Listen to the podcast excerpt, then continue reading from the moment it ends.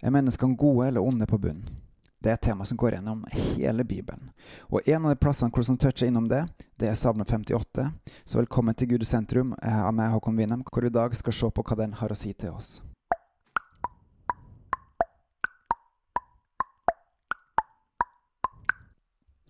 Til sangmesteren. Ødelegg ikke av David en gyllen sang. Og ødelegg ikke kan trolig være en melodi som det siktes til. Før vi begynner å lese, så tror jeg det er viktig å nevne at når Gud skapte jorda helt til å begynne med, så skapte han en helt perfekt plass hvor det ikke fantes noe ondt. Alt var godt, rett og slett. Men Gud ønskte at vi mennesker skulle ha en fri vilje, så det var to ting vi ikke hadde lov til. Det ene ble vi frista til å gjøre, og på grunn av det valget som Eva og Adam valgte, så kom ondskapen inn i verden, og vi fikk ikke lov til å være på Guds perfekte stad. Fra og med da, på grunn av det valget som de tok, så har mennesket hatt evnen til å både gjøre godt og ondt. Vi kan skjelne mellom de, faktisk. Og på grunn av det valget som de tok, så gjør vi også onde ting. Absolutt alle mennesker. Det ligger i vår natur at vi rett og slett også gjør det onde. Og ville det onde, det som heter behag for oss sjøl og som kan gå på bekostning av andre. Eller vår relasjon med Gud, opprør med Han. Vi leser. Menneskebarn, taler dere rettferdig når dere tier stille? Dømmer dere da på rett vis? Nei, i hjertet gjør dere all slags urett, dere baner vei for den vold hendene skal gjøre på jorda. Nei, i hjertet gjør dere all slags urett, dere baner vei for den vold hendene skal gjøre på jorda. Menneskebarn er rett og slett alle mennesker. Hvis vi lar være å gjøre noe, er vi da rettferdig? Dømmer vi da rettferdig? Nei. I hjertet vårt så gjør vi all slags urett, alle mennesker. Vi baner vei for den vold hendene skal gjøre på jorda. Alle mennesker synder, og så er spørsmålet hva gjør vi med det? Fordi på egen hånd så er vi bare dømt til å fortsette med det, fordi den ligger skjult i oss, og vi kan ikke gjøre noen ting. Vi kan ikke la være gjøre noen ting for at vi skal leve rettferdig. Det står De ugudelige er frafalne siden de satt på mors fang. De som taler løgn, farer vill fra mors liv. Giften i dem er som slangegift.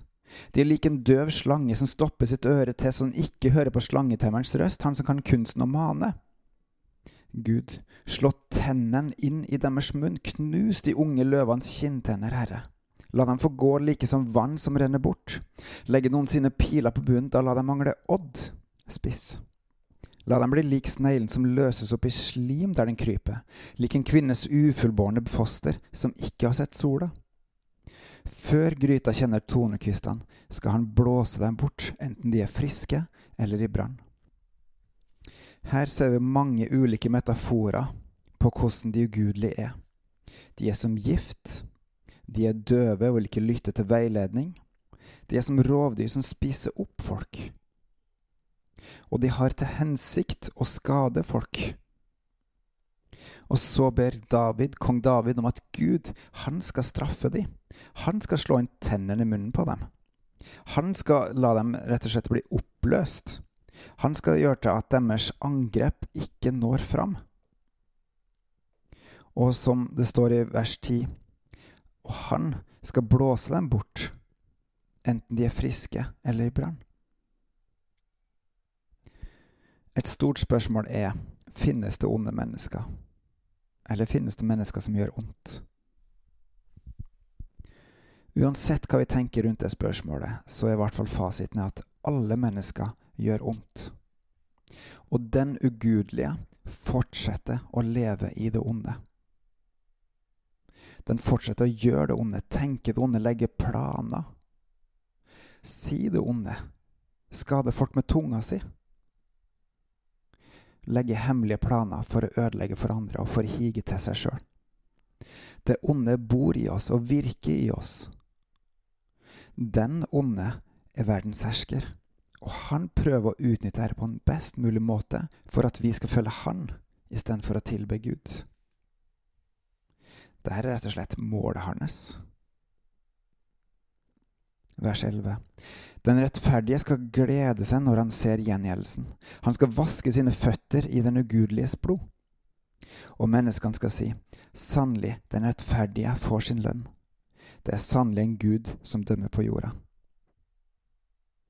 Det er tungt når vi ser at det går den ugudelige vel.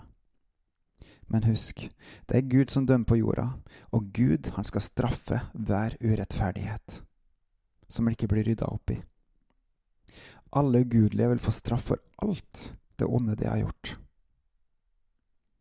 De som venner seg til Herren og omvender seg og ber om tilgivelse for sin synd, enten det er mot Gud eller medmennesker, og ber om tilgivelse, han skal få tilgivelse av Gud, og eventuelt også, forhåpentligvis også, av medmennesker. Det er lov å glede seg over at det onde blir straffa. At den som har gjort ondt, blir straffa. Vi skal fortsatt presentere evangeliet hvis vi har mulighet. Og samtidig så lov fryde seg over at det onde blir straffa. Og da er det flere som kan se at det er Gud som dømmer på jorda. Og at vi må følge det Han sier, og heller få hans velsignelse gjennom det. Gud, takk for at du dømmer, at det er du som har kontroll. Og takk for at alt det onde skal bli straffa. Takk for at du har lagt ned en æresfrykt, en liten en, stor en, for konsekvensene av det onde vi kan gjøre, men mest fordi at du er konge og du er Gud, og fordi at vi har lyst til å følge deg og være med på å gjøre det gode som du viser oss er det gode.